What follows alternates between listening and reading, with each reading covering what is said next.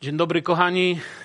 Witam Was z dziwnego miejsca. Jestem w Olsztynie, w zborze Twoja przystań.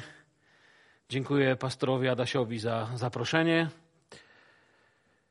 I chciałbym dzisiaj w ten niedzielny poranek podzielić się z Wami Słowem Bożym z Psalmu.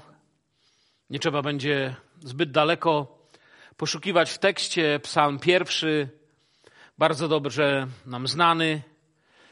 Jeśli macie w domu, tam gdzie słuchacie przy sobie swoje Biblię, możecie też razem ze mną zerknąć w tekst. Jeżeli nie, zamknij oczy, wsłuchaj się uważnie w to, co mówi Słowo Boże.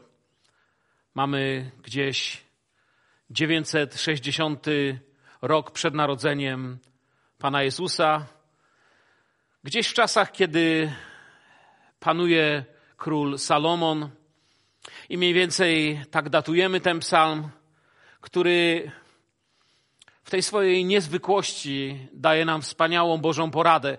Wiecie, często usługuję z psalmów i właściwie to już nieomal taki cykl mam swoich wykładów z różnych psalmów w różnych miejscach. I chciałbym wam powiedzieć, że psalmy są o tyle ciekawą księgą, że prawie cała Biblia, właśnie oprócz psalmów, jeśli oczywiście w jakiś sposób mnie tutaj postaracie się tak zrozumieć, o co mi chodzi, mówi nam o tym, co Bóg chciałby, abyśmy od Niego słyszeli. Natomiast Psalmy w jakiś sposób są taką księgą Bożą, która nam mówi, co Pan Bóg chciałby od nas słyszeć. Są dla nas takim wzorem tego, jak się modlić i jak przemawiać do Boga. Często też mówię ludziom, że to jest takich 150 tabletek na depresję. Dwie dziennie, jedna rano, jedna wieczór. Modlić się psalmami. Słyszałem, słuchajcie, że wielu ludzi ze smutku, z przygnębienia i z depresji podniosło właśnie modlitwa psalmami, modlitwa Słowem Bożym. Jeżeli wiecie, jak modlić się Słowem Bożym, skorzystajcie z tego i doświadczycie naprawdę pięknej przemiany. Przejdźmy do tekstu. Psalm pierwszy, werset pierwszy, zaczniemy czytać. Szczęśliwy mąż, który nie idzie za radą bezbożnych, ani nie stoi na drodze grzeszników, ani nie zasiada w gronie szyderców, lecz ma upodobanie w zakonie Pana i zakon jego rozważa dniem i nocą. Będzie on jak drzewo zasadzone nad strumieniami wód, wydające swój owoc we właściwym czasie, którego liść nie więdnie, a wszystko, co uczyni, powiedzie się. Nie tak jest z bezbożnymi. Są oni bowiem jak plewa, którą wiatr roznosi, przeto nie ostoją się bezbożni na sądzie, ani grzesznicy w zgromadzeniu sprawiedliwych. Gdyż Pan troszczy się o drogę sprawiedliwych, droga zaś bezbożnych wiedzie do nikąd. Piękny tekst, który ma taką ciekawostkę w sobie. Jeżeli ktoś z Was lubi język hebrajski, lubi sobie zerknąć, jak wygląda ten tekst właśnie w języku hebrajskim, to jest tu coś takiego, co po polsku byśmy powiedzieli takie od A do Z, dlatego że psalm ten zaczyna się hebrajską literą Alef, a kończy się hebrajską literą Taf. Czyli od Alef do Taf, takie nasze polskie od A do Z. Jakby ta początkowa i ostatnia litera psalmu sugeruje, że zabiera w sobie wszystko od A do Z, co Boży człowiek powinien wiedzieć, żeby rozpocząć wędrówkę przez psalmy, wędrówkę pełną modlitwy, decyzji, yy, stania w szczerości serca przed Bogiem. Szczęśliwy mąż, który nie idzie za radą bezbożnych, ani nie stoi na drodze grzeszników, ani nie zasiada w gronie szyderców. Tytuł tego psalmu, jego dwa pierwsze słowa. Szczęśliwy mąż. Już na samo to ktoś by powiedział, ha, ciekawe, gdzie dzisiaj znajdziesz kogoś szczęśliwego. Tutaj jest recepta szczęśliwego człowieka, i również jestem takim człowiekiem. Nie oznacza życia z górki, nie oznacza, że nie mamy żadnych problemów, że wszystko zawsze dobrze się nam układa. Nie, przyjaciele, ale oznacza, że źródłem naszego szczęścia, pocieszenia, podniesienia, uzdrowienia jest, no właśnie, Pan. Szczęśliwy jest taki mąż. A cóż dzieje się w życiu owego męża? Szczęśliwy albo jak wolimy bardziej tak, tak, tak pobożnie, że się wyrażę, powiedzieć błogosławiony mąż. Co robi szczęśliwy mąż? Albo dokładniej, co nie robi? Nie idzie, nie stoi i nie zasiada. Ten psalm najpierw nas uczy, gdzie on nie idzie, gdzie nie stoi i gdzie nie zasiada. Tam, gdzie nie jest jego miejsce, tam, gdzie nie jest miejsce jego powołania, iść, stać i zasiadać, to przecież właściwie całe nasze życie, nie licząc jeszcze chyba leżenia i spania. W ciągu dnia albo gdzieś idziesz, albo gdzieś stoisz, albo gdzieś zasiadasz. I psalm zadaje pytanie, nie zadając go, ale dając do myślenia, gdzie? To zawiera w sobie kierunek, cel i towarzystwo. Kierunek, cel, towarzystwo. Czego słuchamy, dokąd zmierzamy i z kim to robimy? Czyli rada, droga i grono. Zwróćcie uwagę, to jest to pierwsze zdanie, które w jakiś sposób rozbija na sekundy nasze życie dnia i mówi, gdzie siedzisz, gdzie, z kim zasiadasz, z kim stoisz, z kim przebywasz. Co tak naprawdę się dzieje w Twoim życiu? On nie mówi tu tylko, yy, a ja sobie tylko akurat tędy szedłem, ale ja sobie tylko przechodzę, nic mnie nie obchodzi. Jeśli poważnie traktuję Boga w modlitwie, to obchodzi mnie, z kim siedzę, o czym rozmawiam, kim naprawdę jestem. Jaka jest cała aktywność mojego dnia. Obchodzi mnie mój moralny stan tego, czy jestem uczniem Jezusa, czy nie jestem uczniem Jezusa. Życie bez naśladowania Jezusa nie może być życiem chrześcijańskim. Nie może być życiem ucznia. Życie ucznia jest jedynym życiem, które tworzy Kościół. Życie uczniów zgromadzenie uczniów, zgromadzenie wybranych, tych, którzy się uczą. A więc ważne pytania mamy zadane w tym psalmie. Bóg wie, kto jest tym mężem. Znamy psalm 139, który pokazuje nam Bożą wszechwiedzę, Bożą wszechobecność. Ten pierwszy pokazuje nam dobrą Bożą radę. Z kim, gdzie, jak. On nie idzie za radą bezbożnych. I tu znowu mamy ciekawe słowo, bo czymże jest rada bezbożnych? Oczywiście jest radą bezbożnych, jeśli powiem do mojego brata, słuchaj, chodź, nie wiem, okradniemy bank albo ukradniemy coś ze sklepu. No jest to rada kogoś, kto nie liczy Boga, ale tutaj właśnie jest to, to bezbożnych wskazuje nam, że coś głębiej tu jest. Ta rada oznacza tu nie tylko radę, ale i cel bezbożnego w swoim głębszym znaczeniu tego tekstu. Cel, który sprawia, że życie jego jest bez celu. Rada bezbożnego jest celem bezbożnego. A wiemy, że dla Boga taki cel to żaden cel. Takie życie prowadzi donikąd. Kimże jest bezbożny? Myślę, że w języku polskim to właściwie samo słowo odpowiada na zadane pytanie. W, de, w, definicji natomiast tego słowa bezbożnik jest to ktoś, kto jest winny przestępstwa przeciwko ludziom i Bogu. Bezbożny, bez Boga. On jest, ale wszystko w jego życiu odbywa się bez Boga. On jest bezbożnik. Bóg dał nam prawo, ale on uważa, ów bezbożnik, że takie prawo może być łamane Bóg dał nam przykazanie miłości, ale Jego to nie dotyczy. On jest dla siebie. On jest bez Boga. Mało tego, że żyje sobie sam dla siebie i porusza się po ziemi tak, jak gdyby Bóg nie był wszędzie obecny, czyli brakuje mu tego podstawowego poznania osoby Boga, to jeszcze innym doradza, aby właśnie tak samo żyli. Można doradzać, nie wiem, zemstę, grzech. Coś, co z góry wiemy, że Pan Jezus by nie doradzał. Człowiek może iść za jedną radą, albo radą bezbożną, albo radą Boga, Bożą radą. Boża rada jest taka, aby wpatrywać się w Jego słowo, mieć posłuszeństwo w Jego słowie, odnaleźć cel życia w Jego słowie. Tutaj mamy tą radę bezbożnika. Błogosławiony mąż za nią nie idzie. Bezbożnik doradza bez Boga, bezbożnie, takie wiedzie życie, takie ma efekty. takie ma poczucie swojego życia. Szczęśliwy mąż nie idzie za jego radą ani za celem, ale również nie stoi na drodze grzeszników. Stanie na drodze grzeszników. Kolejne słowo, potężne słowo w tym tekście to jest słowo stać.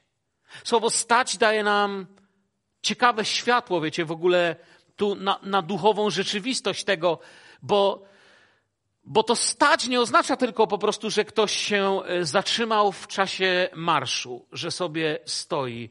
To stać tutaj w jego głębokim hebrajskim znaczeniu znaczy stać, stawać się. Żona Lota się stała. Stała się, bo nie można mieć celu z przodu, a pędzić do tyłu. Staje się. W chrześcijaństwie Wielokrotnie, na wielu kazaniach, jedną z fundamentów nauk jest naśladowanie Pana Jezusa. Naśladowanie Jezusa nie polega na tym, że zatrzymuję się tam, gdzie, gdzie spotkałem raz Jezusa i wspominam, że 30 lat temu poznałem Jezusa, bo to jest właśnie stanie się. Stałem się kimś, kto może ma religijne słowa, ale nikim się jeszcze naprawdę nie stał. Stał się takim samym martwym, jak był. Stawać się żona Lota stała się słupem soli. Człowiek może stać się religijny, co będzie znakiem, że zatrzymał się w rozwoju, w naśladowaniu Jezusa. Nie wiem, włącz na autostradzie wsteczny przy 100 kilometrach na godzinę. Auto stanie się wrakiem. Zatrzyma się jako wrak. To się dzieje, kiedy w naszym duchowym rozwoju Zatrzymamy się z bezbożnymi na drodze. Zatrzymamy się bez Bożego planu. Zatrzymamy się, stracimy z oczu tego, za którym mamy chodzić, Jezusa. To słowo ma to wstrząsające znaczenie też. Jego nawet to teologiczne znaczenie jest potężne. Oznacza, gdybyśmy dokładnie z tekstu chcieli przetłumaczyć jego pełne znaczenie, oznacza być lub stać się sługą. Czyli nie jest tylko zwykłym staniem w miejscu. Stać nieruchomo, przestać się ruszać, przestać coś robić, opóźniać. Bardzo mnie poruszyło duchowo jedno z innych hebrajskich znaczeń tego słowa trzymać się ziemi. Również tak może to być przetłumaczone. Ja się nie chcę trzymać ziemi. Raczej czekam na ten dzień, kiedy Kościół straci grawitację i pójdzie do domu wchodzić na scenę, pojawiać się, stać się wyznaczonym, rosnąć płasko, bu, stawać się mdłym. To są pełne znaczenia tego słowa. Człowiek szczęśliwy w Bogu nie ma w czymś takim udziału. Czyli gdybym miał je jakoś zebrać w jedno, to nic nie robić z grzechem. To takie stanie opóźnia lud Boży. Kościół chce dokądś zajść. Kościół chce zajść do czegoś w tym, aby zaczęły się w nim dziać cuda, nawrócenia, uzdrowienia. Człowiek stojący na drodze Bożej jest jak taki kołek, który to chce zatrzymać.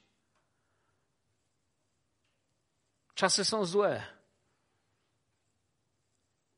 Nie ma się po co trzymać ziemi. Poruszyło mnie to znaczenie. Można się trzymać ziemi, rozglądając się za Bogiem. Się takie trzymanie się ziemi. Widzimy to, kiedy Bóg postanowił zrobić porządek z Sodomą i Gomorą. To Lot, można rzec, że nieomal wyprowadzony siłą. Jego żona właśnie oglądająca się za całą nadzieją jej życia, za wszystkim, co dla niej miało sens. Nie chciała iść tam, bo dla niej Boże rzeczy nie miały żadnego sensu. Ale przejdźmy do tego, kim jest Boży człowiek. Oczywiście tam jest jeszcze dodane, że wśród szyderców się go nie znajdzie. Szyderca, powiem moją definicję tego słowa. Tą właściwą możecie sobie znaleźć w słowniku. Szyderca, moim zdaniem, to jest ktoś, kto śmieje się z czegoś, nad czym Bóg płacze. Tak mi podpowiada doświadczenie szyderstwa, które w życiu widziałem. Jedną z rzeczy, które zmieniły kiedy się, kiedy się nawróciłem, podstawowe zmiany po moim nawróceniu były takie, że śmiałem się z zupełnie innych rzeczy po nawróceniu niż przed nawróceniem. Bałem się zupełnie innych rzeczy po nawróceniu i przed nawróceniem. Po nawróceniu zrozumiałem, że jeśli mam bojaźń Bożą, nie muszę się bać niczego więcej. A więc to jest szyderca. Idę dalej. Lecz ma upodobanie w zakonie Pana i zakon Jego rozważa dniem i nocą. Myślę, że werset nieomal nie wymaga żadnego komentarza. Dodam tylko tak, to nie chodzi o to, że ów Boży mąż, który jest szczęśliwy, spędza 24H na czytaniu Biblii. Że nie śpi, nie je. Czytanie Biblii wcale jeszcze aż tak wszystkiego nie zmienia. Nie wiem, czy wiecie, faryzeusze, którzy ukrzyżowali Jezusa, znali na pamięć Stary Testament.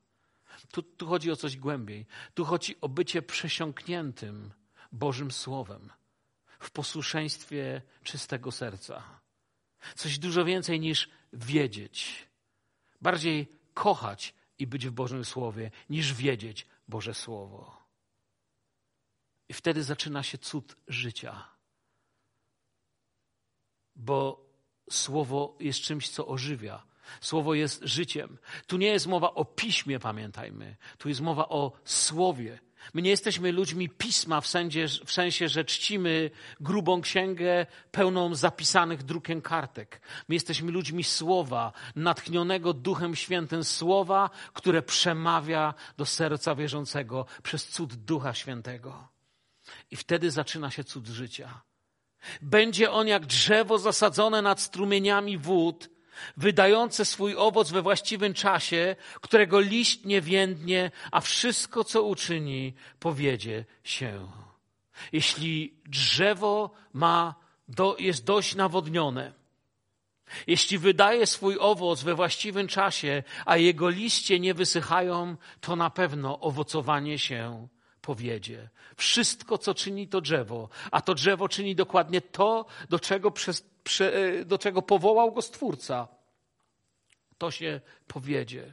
To, do czego powołał Cię Twój Pan, Pan Jezus, nasz Pan Jezus. To, do czego powołał Cię Bóg, Ciebie i mnie. Kiedy w tym trwamy, to się powiedzie bo trwamy w Nim, czerpiemy z Niego. On jest krzewem, my jesteśmy w Nim latoroślami. Z Niego czerpiemy, od Niego nie jesteśmy odcięci. Nasze życie czerpie z Niego i dlatego nasze powołanie niesie sens.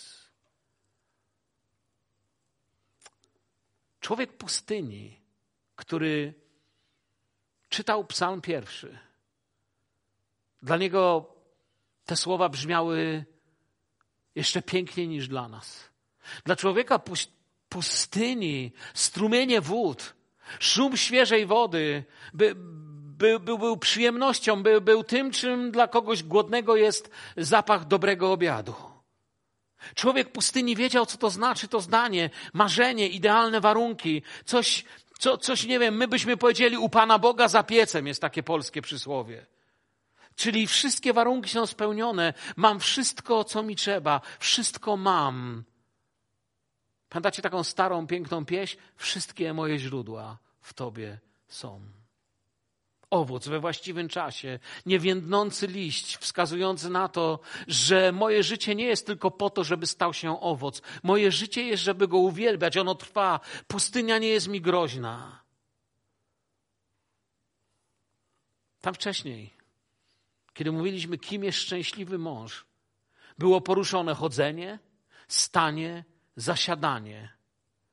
I oczywiście było tam odniesione do, że może to się dziać w atmosferze bez Boga. Tutaj mamy inne ciekawe rzeczy. Popatrzcie się w was tekst. Tutaj mamy upodobanie, rozważanie, ugruntowanie. Tym jest szczęśliwy mąż. Pamiętacie? Tam jeszcze raz. Tam było chodzenie, stanie, zasiadanie w gronie i z ludźmi, i z myślami, które nie podobają się Bogu. Tak się rozpoczynało to. Tutaj mamy upodobanie, rozważanie, ugruntowanie. Oto jest życie pełne mądrości, świadomości, którą apostoł podsumował słowami: Ja wiem, komu uwierzyłem. Kocha słowo, trwa w nim, a owocem tego jest jego siła.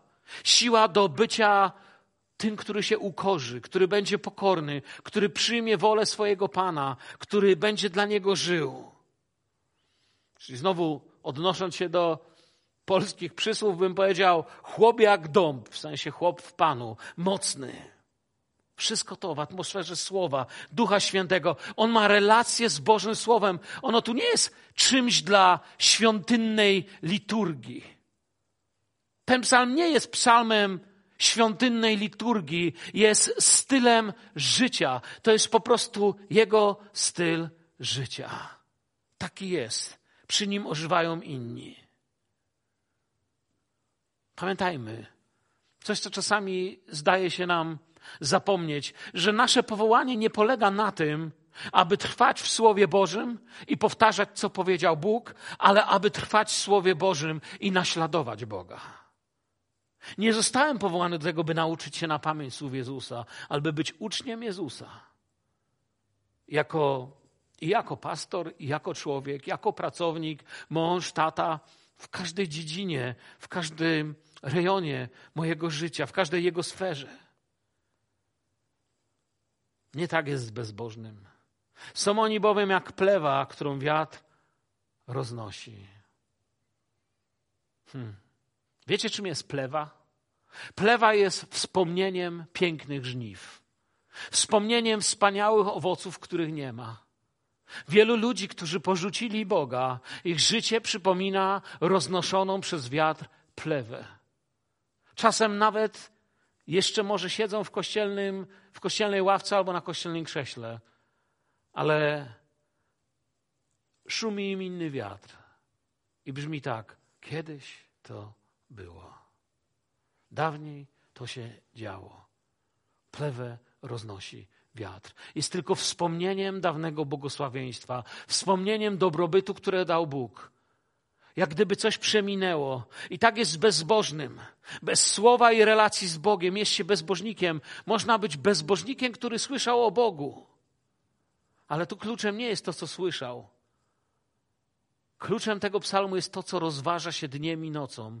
Co cię napełnia, co rozważasz. Nie co słyszałeś 10, 5 albo 30 lat temu. Co rozważam, czym się nawadniam. Czasem przychodzą do mnie ludzie i mówią: Mam problem z depresją, mam problem ze złymi myślami, mam problem z porządliwościami, mam problem z tym, z tym, z tym, z tym. Bardzo często początek mojej rozmowy z ludźmi jest taki: Nie ma rzeki bez źródła. Nie ma rzeki bez źródła. Jeżeli płynie rzeka, to zawsze gdzieś wysoko w górach jest źródło. Jeżeli w Twoim życiu coś się dzieje, gdzieś jest źródło tego.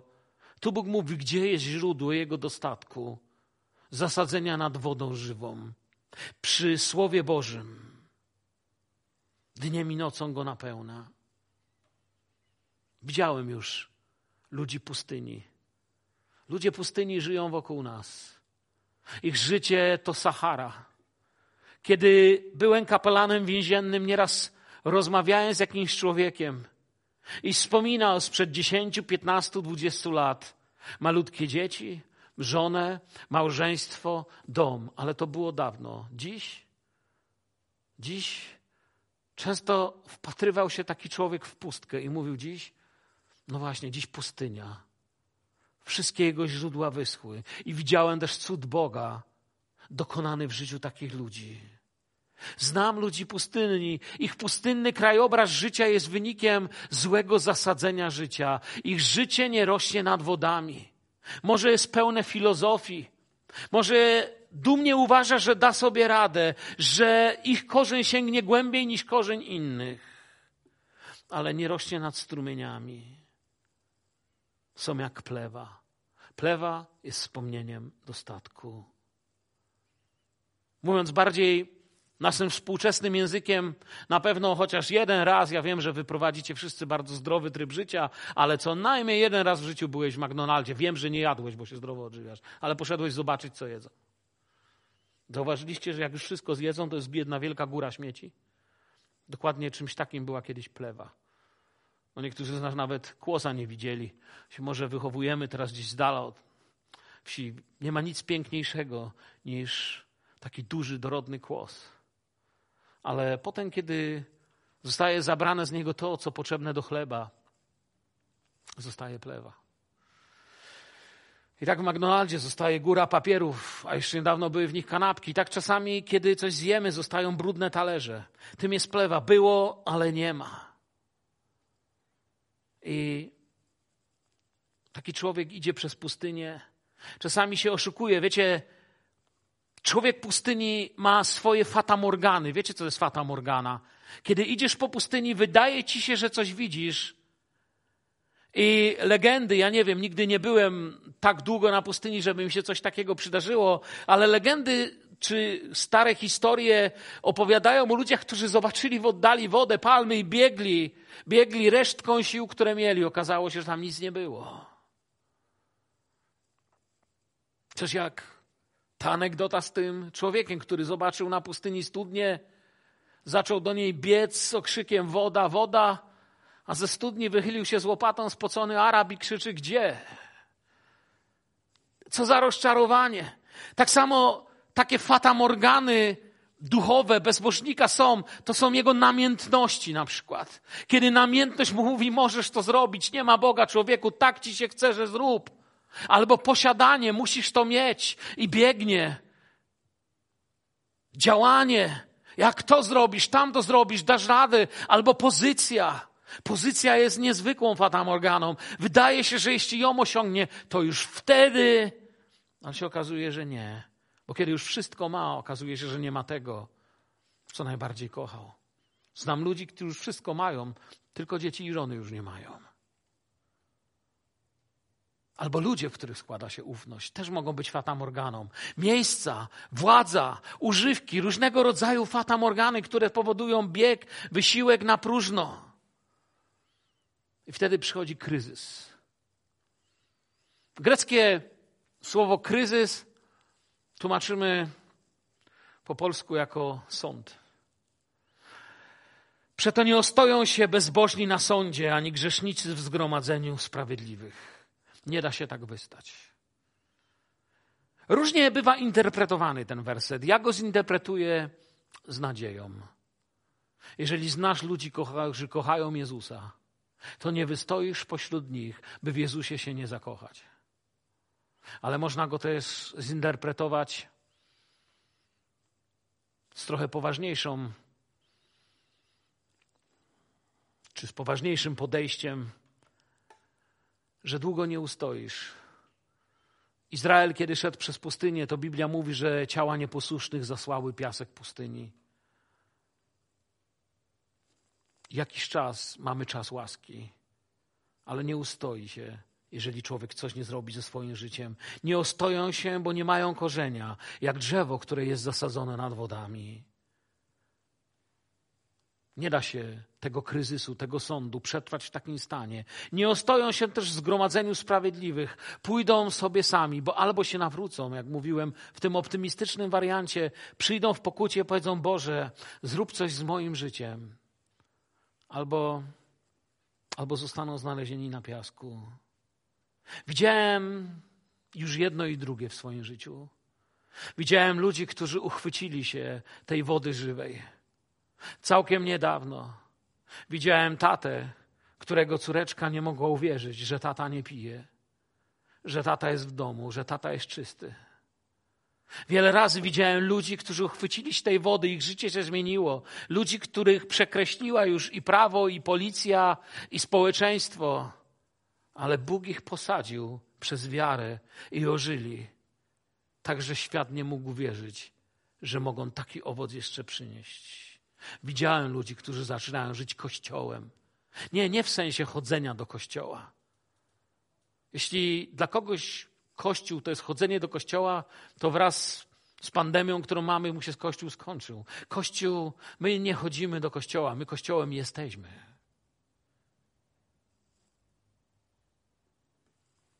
Widziałem ludzi.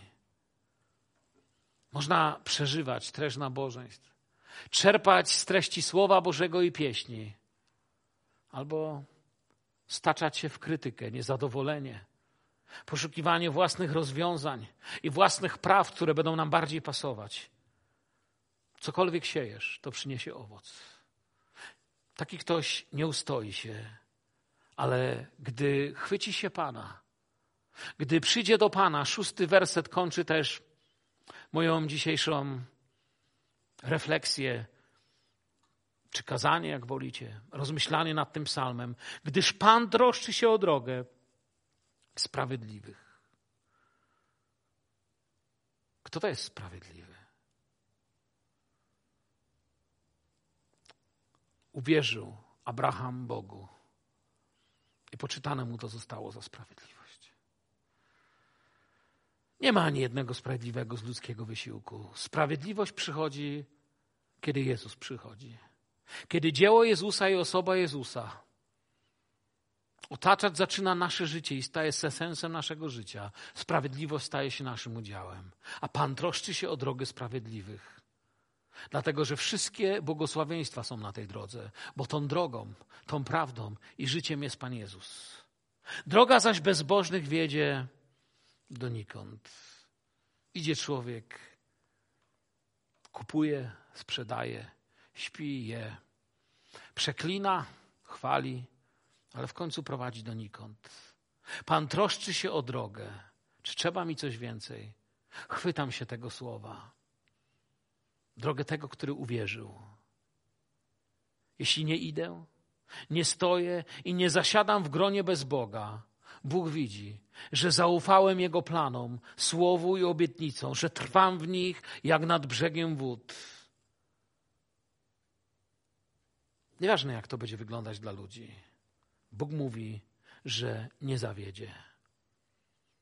Ojcze w niebie, dziękuję Tobie za nadzieję, którą niesie Twoje słowo. I proszę Cię o wszystkich słuchaczy, którzy dziś słuchali. Aby, Panie, jeżeli nawet ja jakoś nieudolnie coś powiedziałem, aby przez cud Twego słowa odkryli w tym psalmie światło i nadzieję dla swojego życia aby dotarła do nich ta potężna prawda, którą Ty niesiesz, że Twoje życie wcale nie musi wyglądać tak, jak wygląda. Jest nadzieja w Jezusie Chrystusie, nadzieja, którą Ty dajesz każdemu, kto po to przychodzi. Przychodzimy dziś do Ciebie, Panie, razem. Wiem, że Ty nie patrzysz, kim jest człowiek, który teraz przed Tobą klęczy, który teraz przed Tobą stoi.